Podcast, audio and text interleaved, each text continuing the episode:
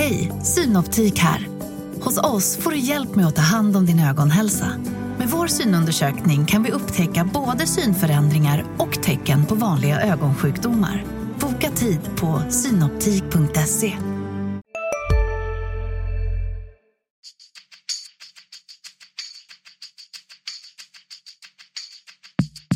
Skönt att komma ut och eh, bara lukta gräset. Så det, är, det är fotboll för mig. Är jag här och jag är väldigt glad att uh, kunna spela för det laget som jag har närmast om hjärtat. Om att skapa tro, om att tro på det vi gör, jobba vidare och vi ska vara ute där och ska vi leverera. Och det ska vi ju. Basta.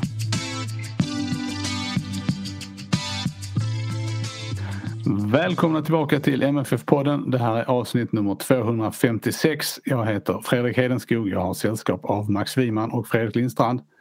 Hej på er! Hallå! Morgon, morgon. Det lät som ni tänkte att jag skulle fortsätta med något mer och jag var lite nära att göra det själv också men det blev inte. Jag ber om ursäkt för denna onaturliga paus så här redan i inledningen av programmet. Mm. Eh, idag så ska vi eh, prata om Malmö FFs förlust mot Hammarby. Vi ska också eh, försöka titta lite på allsvenskan som helhet och lite tankar kring denna så här 17 omgångar in i densamma. Eh, blicka lite framåt även om vi håller igen lite grann vad gäller eh, Champions League och, och annat än så länge. Eh, men om vi börjar med det eh, som senast hände, det vill säga eh, Malmö FFs 1-2 förlust borta mot Hammarby. Så var det ju eh, innebar det bland annat att eh, eh, raden av matcher utan vinst på Tele2 Arena växte. Um, och ja, inte för att uh, Malmö FF gjorde en särskilt dålig match utan för att de inte gjorde mål. Eh, och det finns ju egentligen två delar i detta som kan vara värda att börja diskutera. Det ena är ju att Malmö FF i, på sista tiden i allsvenskan då framförallt matcherna mot Göteborg och Hammarby har misslyckats ganska tota-, eh, totalt med det som man har varit så oerhört bra på i Europa, det vill säga spelet i straffområdena. Du nickar medhållande Fredrik. Mm. Ja, det, det, det, känns som att du bara, du bara drar analysen där. Det finns inget att tillägga. Va, men om vi tar, om man försöker ta någon sorts större grepp på det här då. Eh, finns, det några, finns, det, finns det paralleller att, att dra mellan matcherna mot Göteborg och Hammarby? Ja, men i, i termer av fokus i, i straffområdet så, så gör det väl det. Även om det någonstans är mer, mer okej okay att eh, faktiskt förlora borta mot eh, ett Hammarby som också, får man säga, gör en bra match. Eh, IFK Göteborg gjorde väl egentligen ingen jättematch mot, eh, mot Malmö FF men ja, om den matchen hade spelats om hundra gånger så hade ju Malmö FF vunnit 99 av dem känns det som. Det låter, låter som en cupfinal för inte så länge sedan. ja, lite så. Okej, 98 säger vi då. Ja. Jag, jag, tycker det jag reagerar på var att ju längre matchen mot Hammarby led att, att jag tyckte jag började se ett mönster av eh, hur det såg ut när Malmö FF hade problem under en period förra året. Alltså att man hade väldigt mycket boll och spelade runt framför straffområdet och var ganska fantasilösa och eh, uddlösa. Och, liksom det, det fanns inte den där självklarheten och glöden som det har funnits när det har gått som, som bäst utan man körde fast i... Och, och jag, jag tyckte första halvlek var mycket underhållande mot Hammarby, alltså från båda lagen. Jag tyckte det var en väldigt bra fotbollsmatch, satt, satt jag och sa i så fall i alla fall. Eh, sen gradvis i andra halvlek så tappar ju liksom kvaliteten väldigt mycket. Eh, och det, det, den tappas ju i form av också att spelare som Anders Christiansen och Colak tappar humöret och verkar liksom inte tycka det är roligt längre. Och jag tycker det, är ganska, det var en ganska oväntad effekt med tanke på vad som hade hänt i veckan då att Malmö hade lyckats och Hammarby hade misslyckats. Så det bara visar ju egentligen att, att idrott är inte så enkel alltid. Ja, det var lite... Det, det var, egentligen så hade man kanske väntat sig att lagen skulle varit precis tvärtom. Att det skulle varit Hammarby som varit lite irriterade och just på grund av sättet de faktiskt åkte ur Europa på.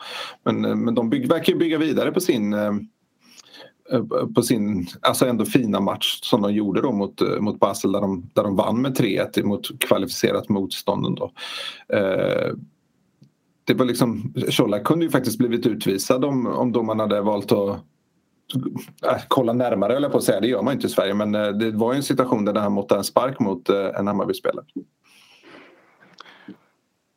Eh, vad gäller, vad gäller eh, spelarnas eh, humör så tänker, kan vi återkomma där lite grann. Men om vi, om vi uppehåller oss vid spelet lite grann till så, så blir det ju ändå det blir alltid lite svårt att prata om de här matcherna för att eh, den, den liksom, eh, ska man säga, den gängse uppfattningen eh, är ju att MFF spelade tillräckligt bra för att vinna och skapade massor av chanser. Och det är ju också det som, som tränare och spelare säger efter matchen. Um, men vad är det då som... Uh, det är ju ändå så att, att man inte lyckas uh, utnyttja det här övertaget. Alltså första halvlek var ju med undantag för, för de första, jag vet inte, 5-10 minuterna var det, kändes det ju stora stunder som spel mot ett mål. Jag tycker om, om man ska hitta på något som är viktigt här att jag, jag tror att framför, det framför allt viktiga i den här typen av matcher är tränarens roll. Uh, och uh, jag tycker att Jonas Thomasson gjorde det väldigt bra som tog ut en offensiv eh, startelva. Han eh, gjorde egentligen bara, förutom målvakten då, där han var liksom tvingad till ett byte och så gjorde han ju bara en, och även Lewicki var tvingad till ett byte. Så gjorde han, Lewicki bytte han ju då rakt av mot Abubakari och gjorde om systemet. Så att MFF blev, ja vad ska man säga, spelade väl egentligen tre, tre och fyra på mittfältet som är en diamant och sen ett tremannaanfall där liksom eh, eh, Birman Stevic hade någon slags fri roll, nummer 10-roll-aktig. Liksom. Alltså jag kan inte minnas när Malmö FF har ställt upp så offensivt i allsvenskan eh, tidigare. Det var, det var rätt häftigt och med tanke på att Hammarby då hade ändå 120 minuter fotboll Eh, plus en oerhört tung straffförlust på det. Alltså, det, det borde ju varit ett trött lag MFF mötte Hammarby. hade ju faktiskt också ganska mycket, eh, hade också en hel del skador eh, kring sin trupp, liksom, precis som MFF. Så att, att gå liksom på någon slags knock eh, tycker jag var smart. Det, gjorde, det var helt rätt för att tända laget och, och verkligen försöka behålla den energin som Europaspelet trots allt ger. Att vi, nu går vi ut och öser på. Oftast är ju Malmö FF som alla allra bäst då också. Men sen tycker jag, det, sen tycker jag liksom att, att han kanske nöjer sig med, med det lite för länge i matchen. Eh, får ett byte i 70 minuten och sen kommer två till i 80 eh, eh, det, det står ju då att jämföra med Hammarby som faktiskt tar ut både Ludvigsson och Svedberg som är deras bästa spelare fram till då. Och för, för att liksom skaka om och, och, få till en liten annan matchbild och det lyckades ju väl. Delvis lite på grund av slump förstås. Eh, eh men så är det ju i fotbollsmatcher. Det handlar ju liksom om att utnyttja de där misstagen, speciellt när det är såna här täta matcher. Då. Eh, där, där, tycker jag kanske att Thomasson borde agerat lite tidigare i andra halvlek för att liksom för att det syntes ju på MFF att de gick ner lite i kvalitet eh, ungefär en, en, kvart in i, i andra halvlek. Det, det, var inte samma frenesi i anfallsspelet och eh, överlag blev matchen som det ju ofta blir mellan två eh, lag med lite trötta spelare. Liksom, lite mer slumpartad och de, de individuella misstagen ökar och sådär. Jag, eh, jag håller väl med så tillvida att jag tyckte också att det var spännande att man hade så många offensiva spelare. Jag är däremot lite osäker på det här systemskiftet. Jag brukar i och för sig tycka om när man kan skifta system. Vilket Thomasson har gjort under säsongen. Men, men nu valde man ett system som man egentligen som Fredrik är inne på inte har spelat tidigare. Och, eh, allt det, jag tyckte en hel del av det bra samarbete som har funnits mellan Birmancevic och Colak försvann. Och jag tyckte inte att Colak och Abu Bakari hittade något samarbete. Och då tycker jag att det kanske var lite för chansartat i det här läget. Alltså med facit i hand så hade det kanske varit bättre att spela en, en mer eh, traditionell uppställning. Sen vilka spelare man hade valt det kan man fundera kring men, men eh, det var någonting som Även om det såg väldigt bra ut i första halvlek så, så, så började du eh, slira där inne i straffområdet redan då och sen, sen tappade man ju det helt i andra halvlek. Det, det var precis som... Man, man hade ingen aning vad man skulle göra och det det, det, det, det kändes lite onödigt denna gången att, att, att, inte ta med sig en poäng för MFF från, från Tele2 i alla fall tycker jag.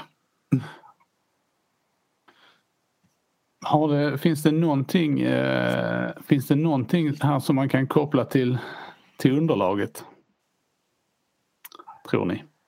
Det finns det väl alltid. Alltså det, det, det, det är klart att det är, det är en skillnad att spela på. Det, det, det, det, var, det är ju tyngre att spela på gräs än på konstgräs. Så att Hammarby som hade en sen match eh, och lång match gynnades säkert av att, att det var på deras hemmaplan. Jag tror det hade sett helt annorlunda ut i Malmö faktiskt.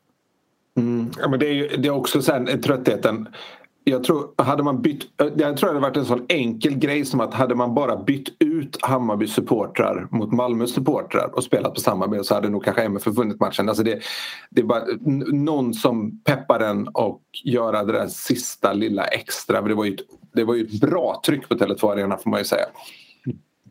Det är ju, det är ju också, de får ju ta in 10 000 vilket ju gör en viss skillnad mot, mot 5 000 som det får ta in här. Det låter lite mer.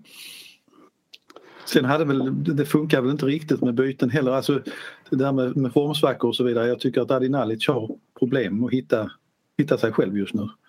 Eh, och det, därför blir inte, det blir inte den effekten av att när han kommer in som det skulle kunna, skulle kunna ha blivit.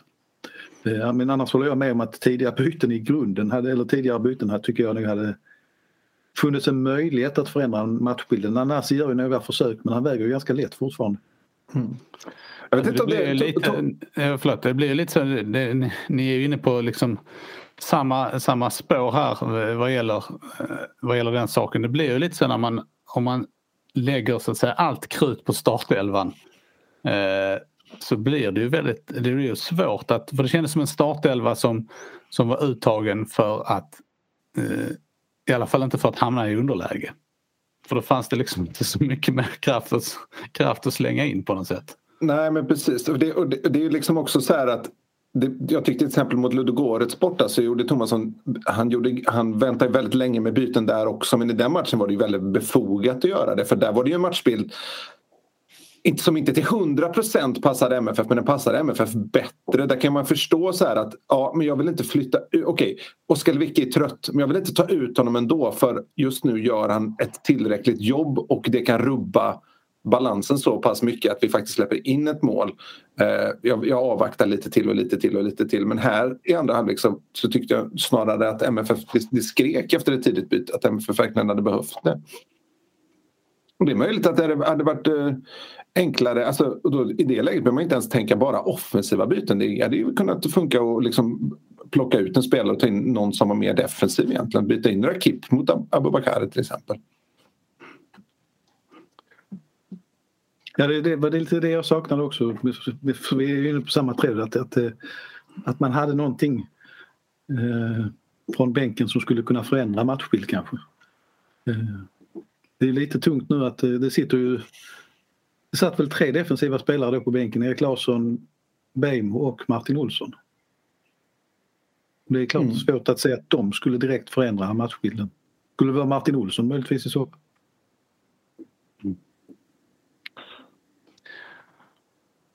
Jag vill slå ett slag bara för eh, Viljot Svedberg. Eh, härlig, härlig att skåda och det var häftigt att se en eh, spelare som är född 2004 vilket ju någonstans får en själv eh, och mår väldigt dåligt över att det är så unga personer som nu spelar allsvensk fotboll.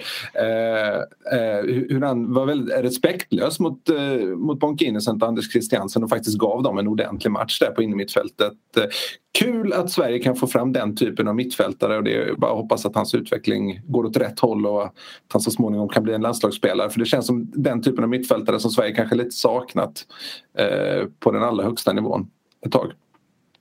Eh, kanske framförallt i och med att Mattias Svanberg inte får någon riktig chans till landslaget.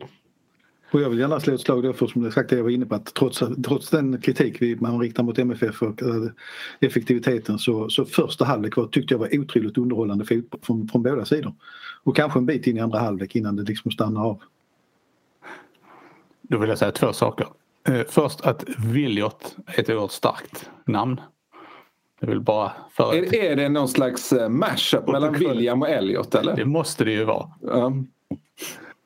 Eller så har de bara tagit eh, det gamla Vilgot och gjort det lite mer internationellt. Det är också... Ja, för, precis, för de som inte vet det så är det ju två Kanske framför en, framförallt en fotbollsspelare på väldigt hög nivå, Malin Svedberg då, som är hans mamma och eh, sen eh, Hammarby-profilen och även tidigare landslagsspelaren också men kanske inte på samma niv höga nivå, eh, Hasse Eskilsson. Som är hans föräldrar. Du vet ju det. Hans Eskilsson hade någon, när, vilket år var det? Han var, han var ju magiskt bra i någon sån här för-EM. Ja, men det var väl 1988 eller något sånt här tror jag. 87 kanske, för EM, inför EM i Tyskland. Kan det ha varit så? Ja, det tror jag. Sverige var oerhört bra då. ja. var Sveriges år. Ja. Mellanår. Ja. ja. Eh, vi går vidare. Eh, det var ju... Eh, det fanns ju, vi var ju inne på, eh, på det här med, med humör och disciplin. Eh, och där är det ju så att Anders Christiansen riskerar avstängning. Avstämning har de nog eh, redan haft. han lär ju då ha kastat en stol på något sätt efter matchen mot Hammarby. och ärendet ska tas upp i disciplinnämnden det lär väl ta ett tag där. Eh, men Max, du som eh, har erfarenhet av sånt här. Du, har, jag har vet att du, du, som har kastat mycket stolar. Men... Jag har faktiskt inte kastat så många stolar i mitt liv.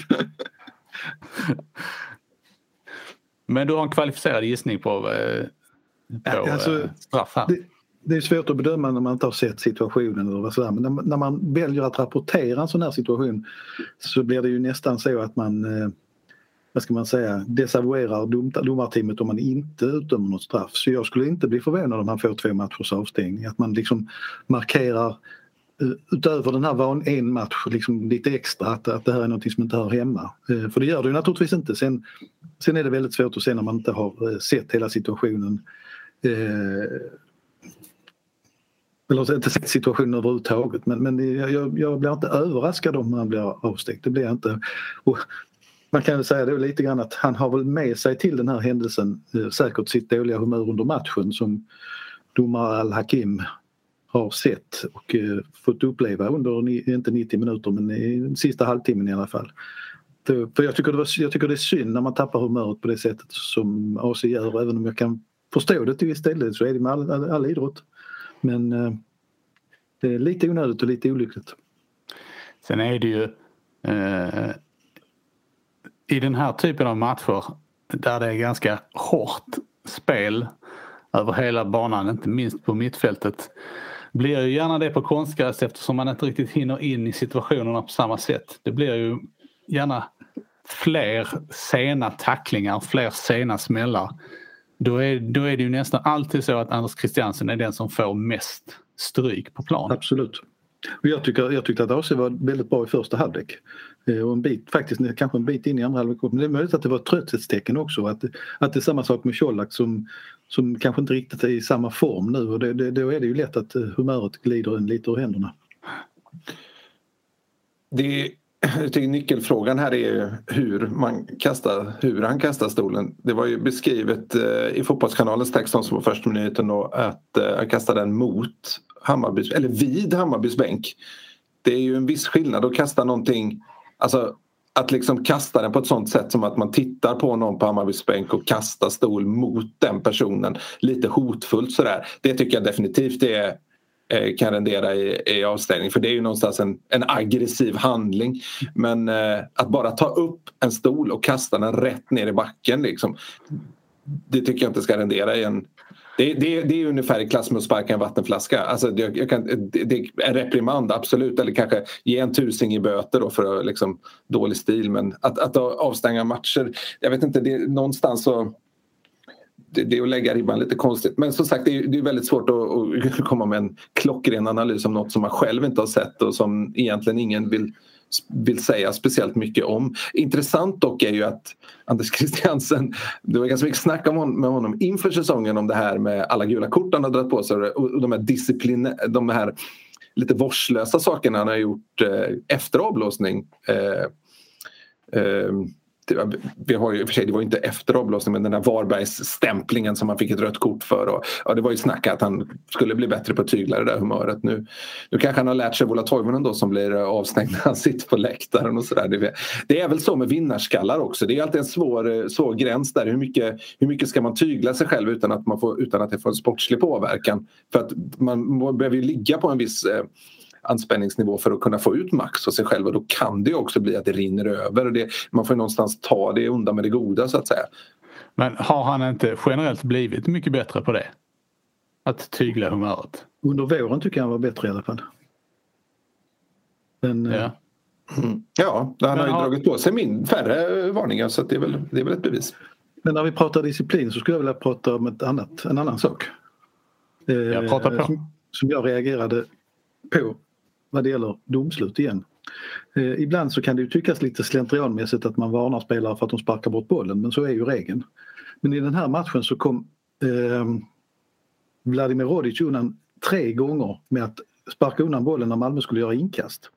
Alltså han sparkade undan bollen eh, eh utanför planen. Eh, vid det sista tillfället var allra tydligast. Eh, precis när spelaren skulle plocka upp bollen så kickade han iväg den. Eh, jag tror inte ens han fick en tillsägelse. Jag tycker det är mycket märkligt och jag tycker det är, det är definitivt ett sånt osportsligt beteende som man borde beivra direkt. Eh, och jag förstår inte varför Al-Hakim inte, inte gjorde det vid något av tillfällena.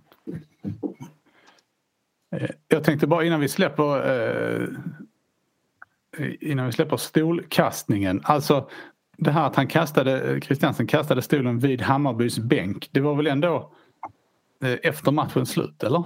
Mm. Så man kan också fråga sig hur mycket folk var det där? Precis, det är ju sånt här vi vill få reda på. Det är sånt här man måste få. För med tanke på hur Hammarby eh, firade den här matchen så tänker jag att det borde inte vara så himla mycket folk kvar på bänken. Nej, precis. Men, men det kan naturligtvis ha funnits. Det räcker att det var en. Så att det... Mm. Sen så, bara, sen så måste ju Anders Christiansen... Vid, vid Hammarbys bänk och mot Hammarbys bänk. Det är en ganska stor skillnad. Ja, det var ju precis sa. det jag sa. Ja. men, men, eh, och när. Ja, precis. Sen så, sen så måste Anders Christiansen också vara medveten om att han är allsvenskans största stjärna och att han har ögon på sig efter matchen. Att han måste kunna spara den typen av eh, ilske vredesutbrott till omklädningsrummet. För eh, alltså, hade det till exempel varit eh, ja, Inget ont om honom, eh, men samma lyskraft har han kanske inte. Hade det varit Frans Brorsson som hade gjort det så hade det förmodligen inte blivit någon anmälning. Det, nu, spekulerar, nu spekulerar jag ju vilt här men Anders Christiansen har ögonen på sig alltid för att han är den största stjärnan och då blir den här typen av grejer uppmärksammade på ett annat sätt. Beskrivningen är ju att det var ganska stökigt i spelargången efter Göteborgsmatchen då när Toivonen så att säga blir avstängd. Eh, man ska komma ihåg att det kan ju vara så också att MFF hade extra ögon på sig rent allmänt om det nu var ett dåligt uppträdande där. Mm. Det, det, även domare och dess medhjälpare är människor. Det är klart att de påverkas och kanske tänker att nu ska vi hålla ett extra öga på vad som händer och sker. Mm. Ja, men det är ju fascinerande. Det är ju, det är ju det är någonting, även om det såklart är ur ett rent så här ur en synvinkel så är det ju väldigt eh, dåligt att, eh, att göra så men ur ett annat synvinkel så är det lite härligt också att Malmö FF är den typen av klubb som inte riktigt kan hantera att förlora såna här matcher. Så det, det var ju, efteråt var det ju liksom var ju verkligen sådär, eh, Jon Tomasson sa att han ville ju inte ens kalla sin landsman Ostedt för, för, vid namn utan kalla honom för målvakten.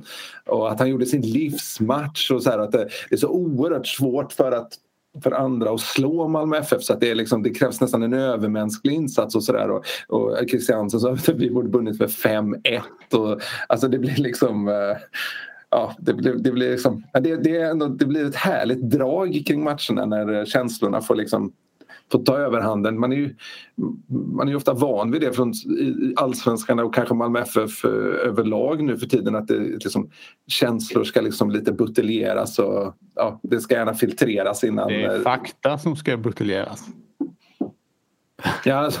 och presenteras. I ja, ja, men så, ja, precis. Ja, precis. Nej, men att det känslomässiga ja, vi ska inte släppa så nära in på och sådär men när det kommer den här typen av matcher så blir det, då, då kan liksom inte känslorna hållas tillbaka och pak paketeras i ett fint eh, kommunikativt eh, kommuniké på, på hemsidan eller något sånt där utan det blir bara spontant och det, det, det är härligt att se på ett sätt.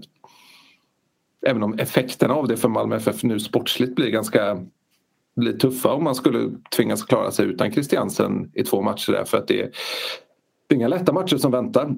Juventus kommer han ju inte vara avstängd i. Det är där i så fall Norrköping och Djurgården är avstängning. Om det skulle bli två matcher, jag kan ha helt fel. Ja. Det kanske bara mm. blir böter. Men det... mm. Nej men för att eh, nu eh, inför det, men man ska väl komma ihåg någonstans då om man tittar på, på det här spelschemat som Malmö FF. Det är tvivelaktigt så har ju Europaspelet haft eh, betydelse för att laget har eh, tappat poäng. Det är ju kanske inte det att benen har varit sådär våldsamt trötta och truppen är ju trots allt stor, de har kunnat rotera men det sitter i, jag tror att det sitter ganska mycket i huvudet, man ska orka ladda om, man ska liksom Ja, jag var inne på det i krönikan efteråt att Malmö FF kommer alltid vara mer eller mindre favorit i en allsvensk match. Man kommer alltid skapa eh, rätt mängd chans tillräckligt. Hej, Ulf Kristersson här.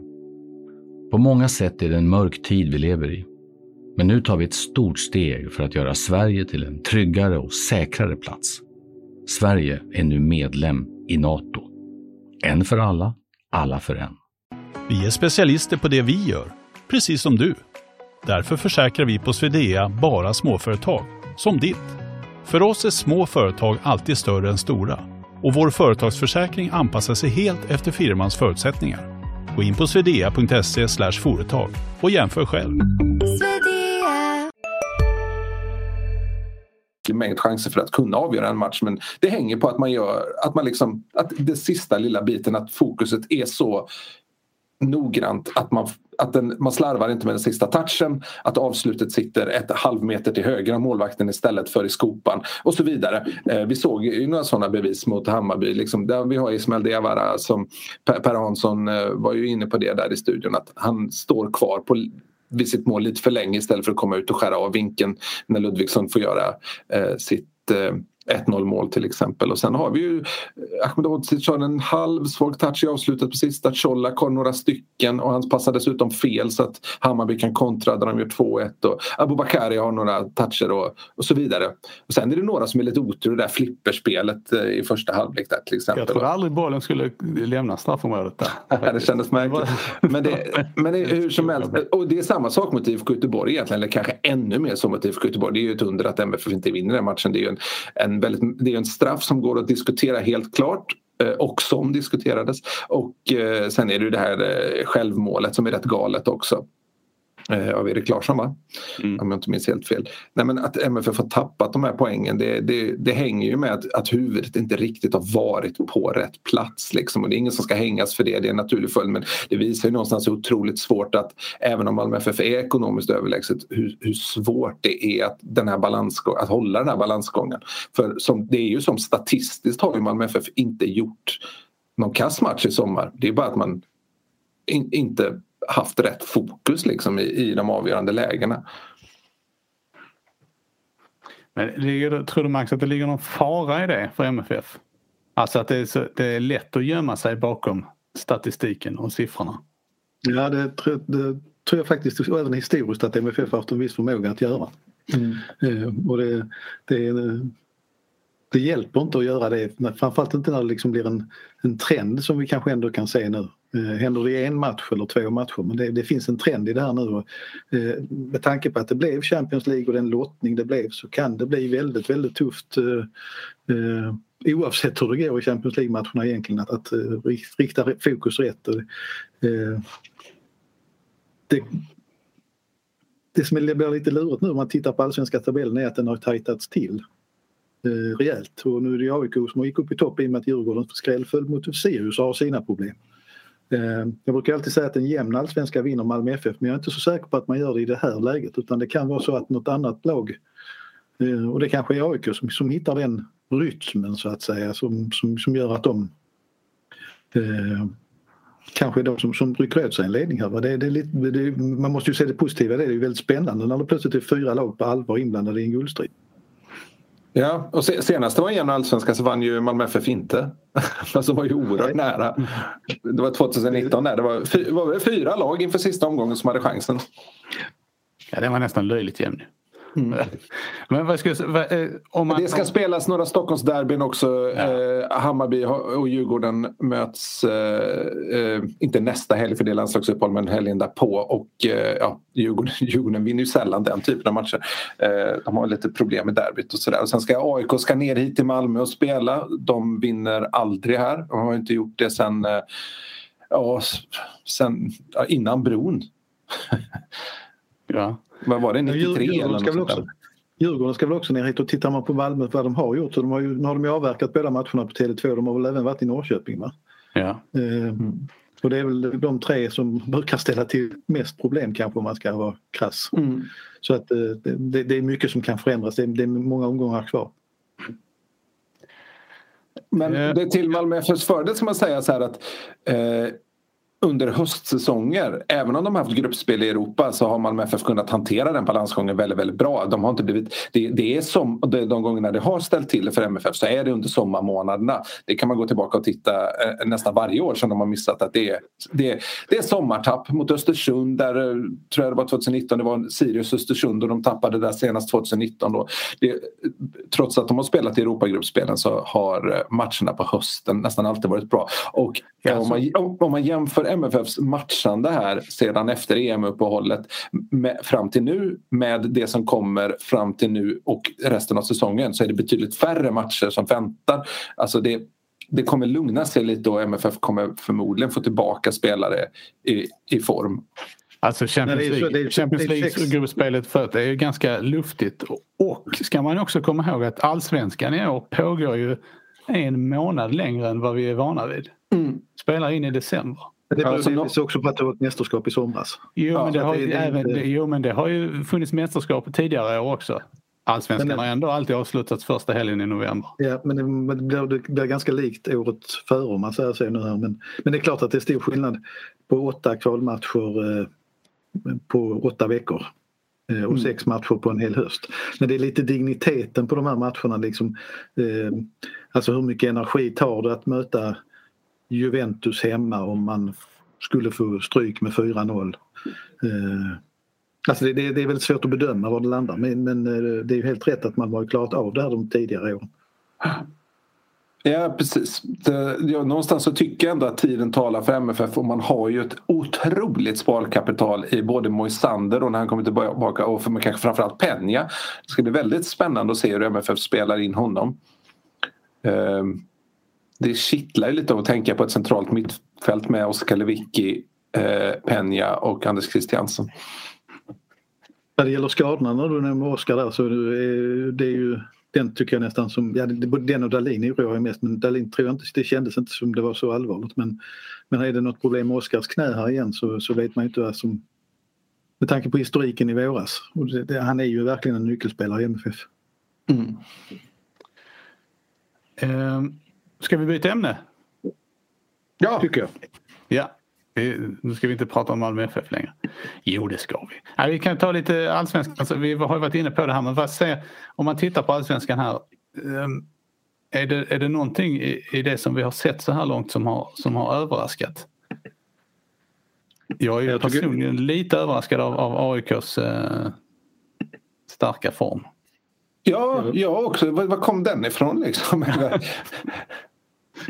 Jag är överraskad alltså, över Elfsborg att de håller sig där uppe i toppen. De har smugit sig närmare och närmare faktiskt känns det som. Det, men det, jag tycker det är väldigt festligt egentligen att det är fyra lag som, som slåss och det kan väl komma till och med något mer bakifrån men, men att det är en, den, den typen av kamp kommer ju påverka resultat och matcher också för det, det kommer ju bli mycket mer nerv när, när fler är inblandade.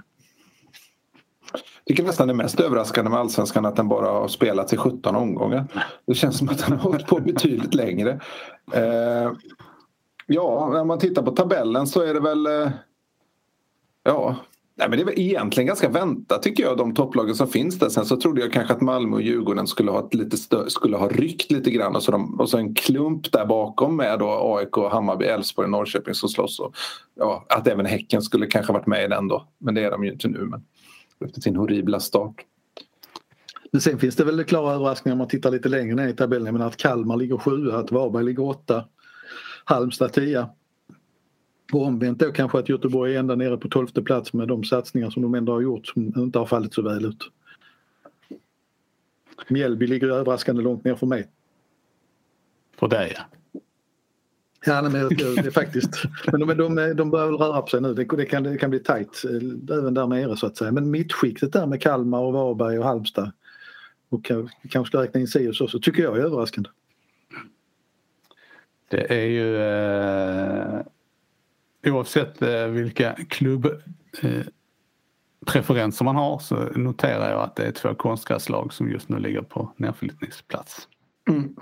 Ja, men det, ska väl, det ska väl också sägas, alltså, det, och det har ju varit inne på förut, det var ju den stora följetongen under vintern här men eh, det, en sak som verkligen, verkligen sticker ut här är ju att om man tittar på topp fem så har Malmö gjort 37 mål och de andra har inte gjort över 30 något av dem. Eh, AIK och Djurgården då ettan och tvåan har gjort 26, alltså 11 mål färre än, än Malmö FF och ändå är de före. Det, ja, det, det säger ju en del om eh, vad problemen har funnits för MFF. Det som, det som ju framförallt eh, känns som har varit grejen hittills den här allsvenska säsongen är att MFF har ganska få gånger släppt in ett mål. Det har gärna blivit så att släpper man in ett så kommer det ett till. Förr eller senare. Eller två till.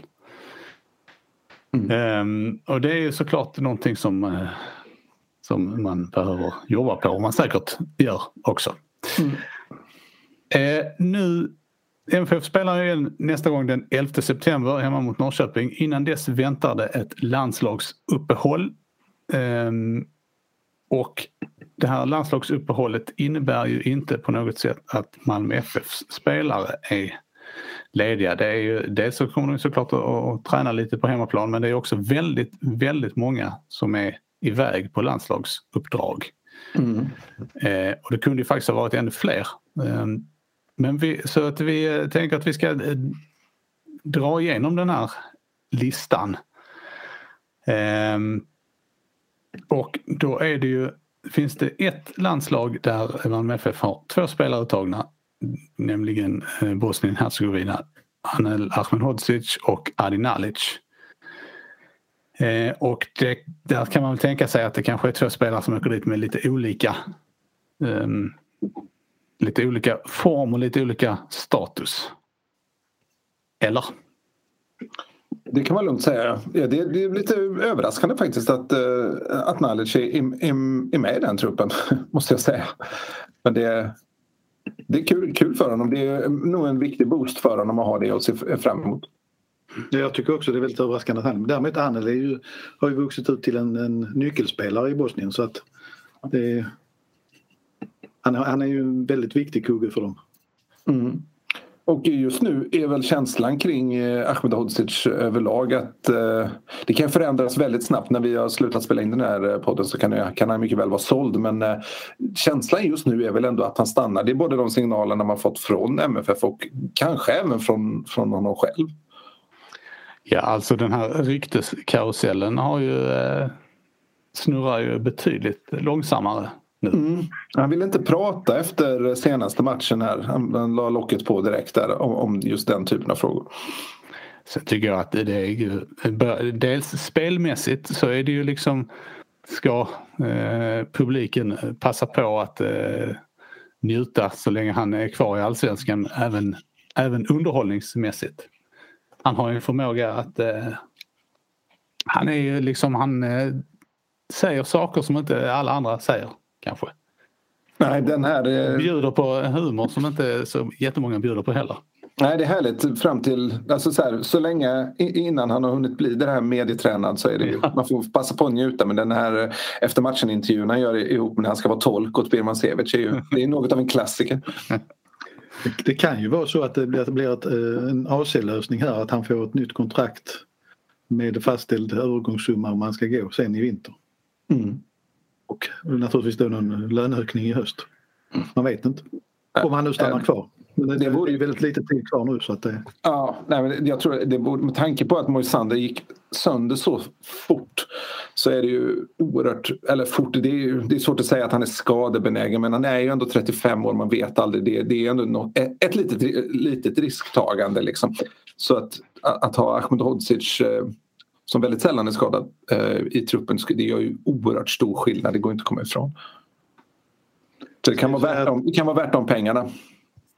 Nästan alla de stora transferfönstren stänger alltså idag så att det borde ju ha funnits rykten när vi spelar in detta om, om Randel verkligen skulle försvinna. Mm. Um, sen har vi... Uh, det finns luringar ska jag bara säga, typ Ryss, Ryssland stänger 7 september. Det är väl närmast det man skulle kunna tänka sig annars. Mm. Och vi, kan väl bara, vi kan väl bara säga också att uh, de har ju alltså Ahmed Odzic ställs alltså mot Frankrike borta den, uh, imorgon. Det blir en häftig match. I eh, Malis landslag är Ismail Diawara uttagen. De ska spela mot Rwanda och Uganda. Eh, hur är, den, eh, hur är målvaktskonkurrensen i Mali, Fredrik? Alltså den är, den är supertung. De har, de har satsat väldigt... Nej, jag har ingen aning. Uh, jag, jag får erkänna det, jag lägger mig platt där. Det är du som har målvaktskollen. ja, jag har inte det fjärde laget där i Malis VM-kvalgrupp är Kenya. Eh, så det ser väl eh, inte helt eh, omöjligt ut för dem att åtminstone ta sig vidare i det här kvalet på något sätt. Precis, precis. Ja, nej, det, det gruppspelet drar ju igång nu. De har inte hunnit spela några omgångar där än. Nej. nej. Eh, Martin Olsson är tillbaka i Sveriges trupp. Uh, ja. Ja. Det är ju uh, ganska många rutinerade som ändå försvann efter, efter EM. Så att uh, kanske skönt för Jan Andersson att fylla på med lite, lite rutin. Precis, precis. Ja, Martin Olsson var ju uttagen i, i EM-truppen där men skadade sig i en av Häckens avslutande matcher och missade mästerskapet då. Det är spännande, spännande att han är med igen. Liksom. Det är ju bra för, inte minst honom själv, att liksom boosta upp eftersom han inte har spelat någon match nu på någon vecka. Sverige har alltså Spanien, Uzbekistan och Grekland på programmet.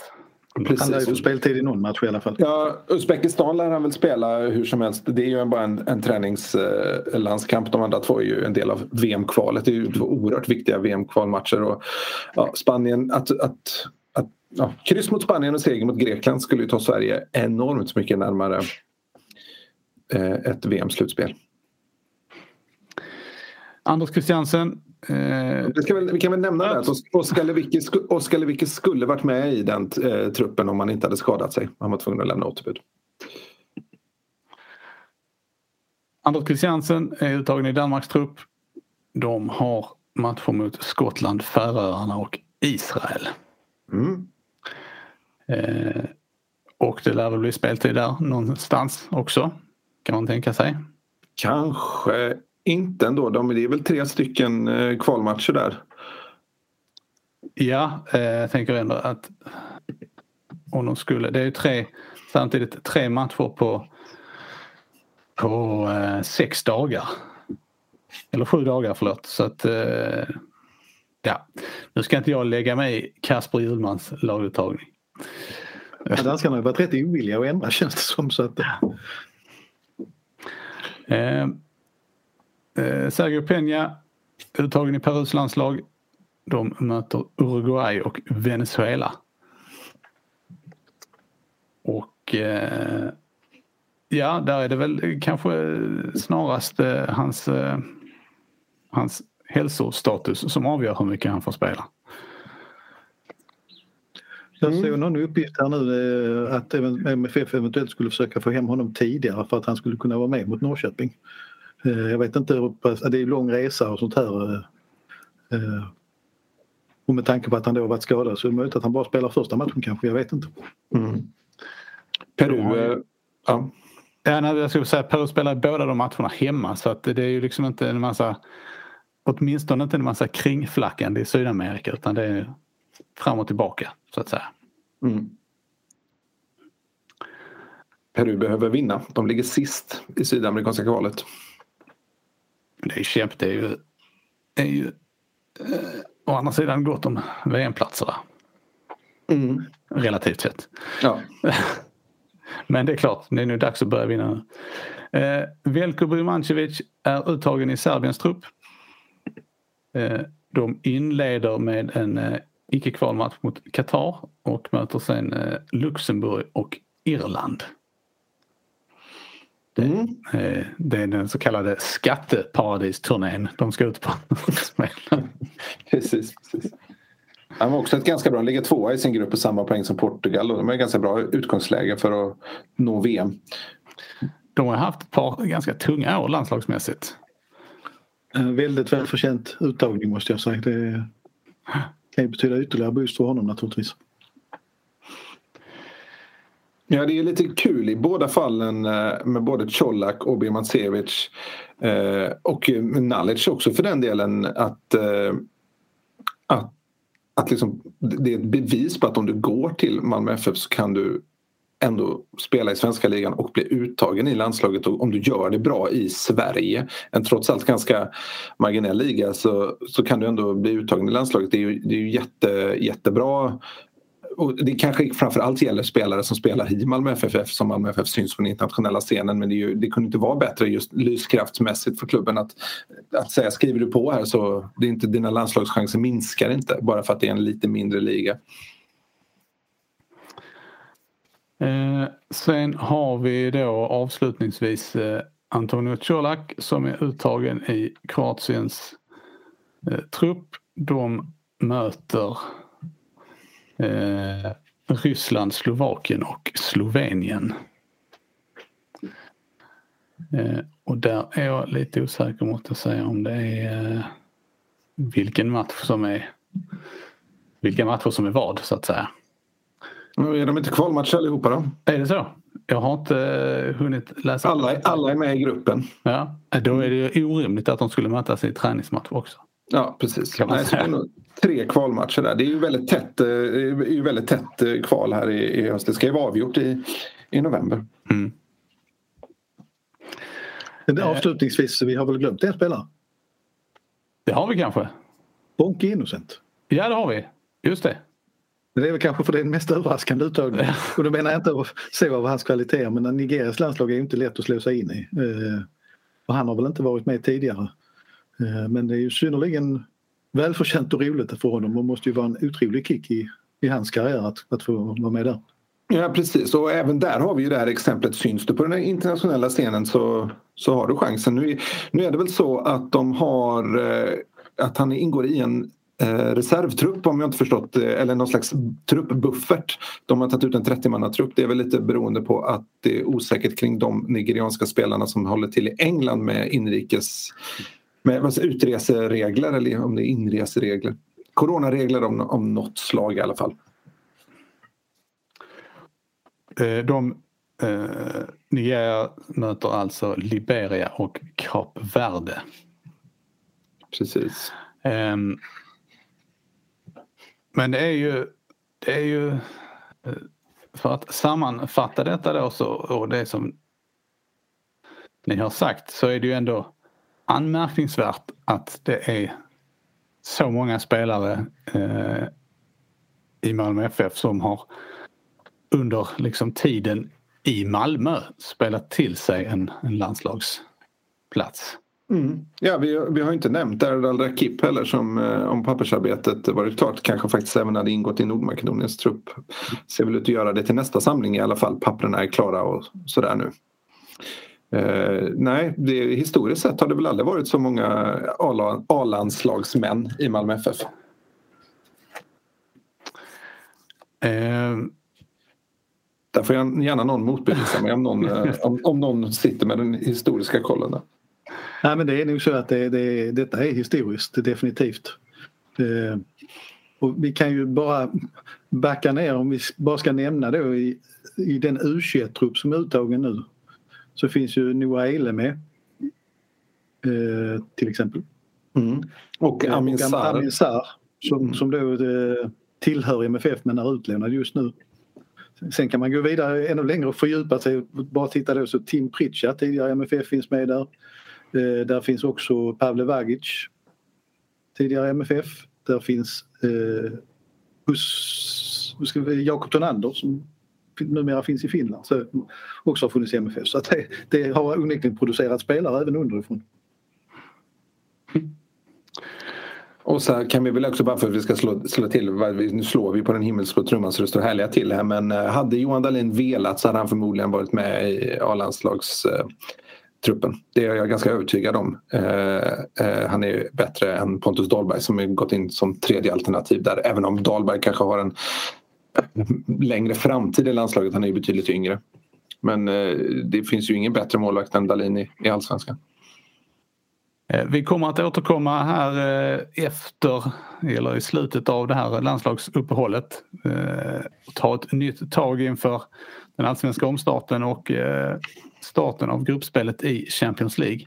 Max, du hade bara någonting du ville eh, få eh, av hjärtat här innan vi avslutar. Ja, det är till, till, till lilla övergång här det, det, som vi alltid avslutar med, vad vi tycker om konstgräs. Kan man notera, du nämnde att det är två allsvenska lagen längst ner i konstgräslag.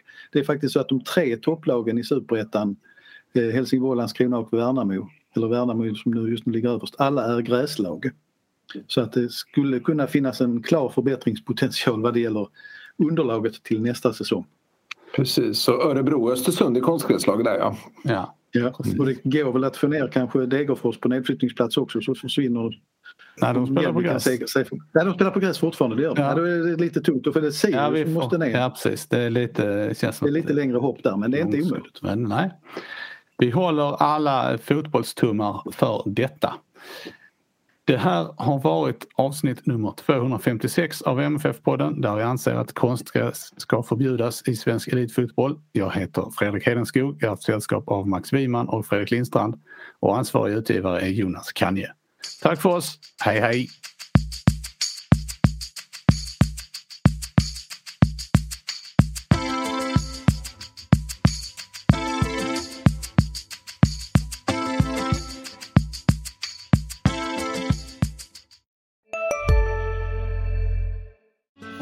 Susanne Axel här. När du gör som jag och listar dig på en av Krys vårdcentraler får du en fast läkarkontakt som kan din sjukdomshistoria.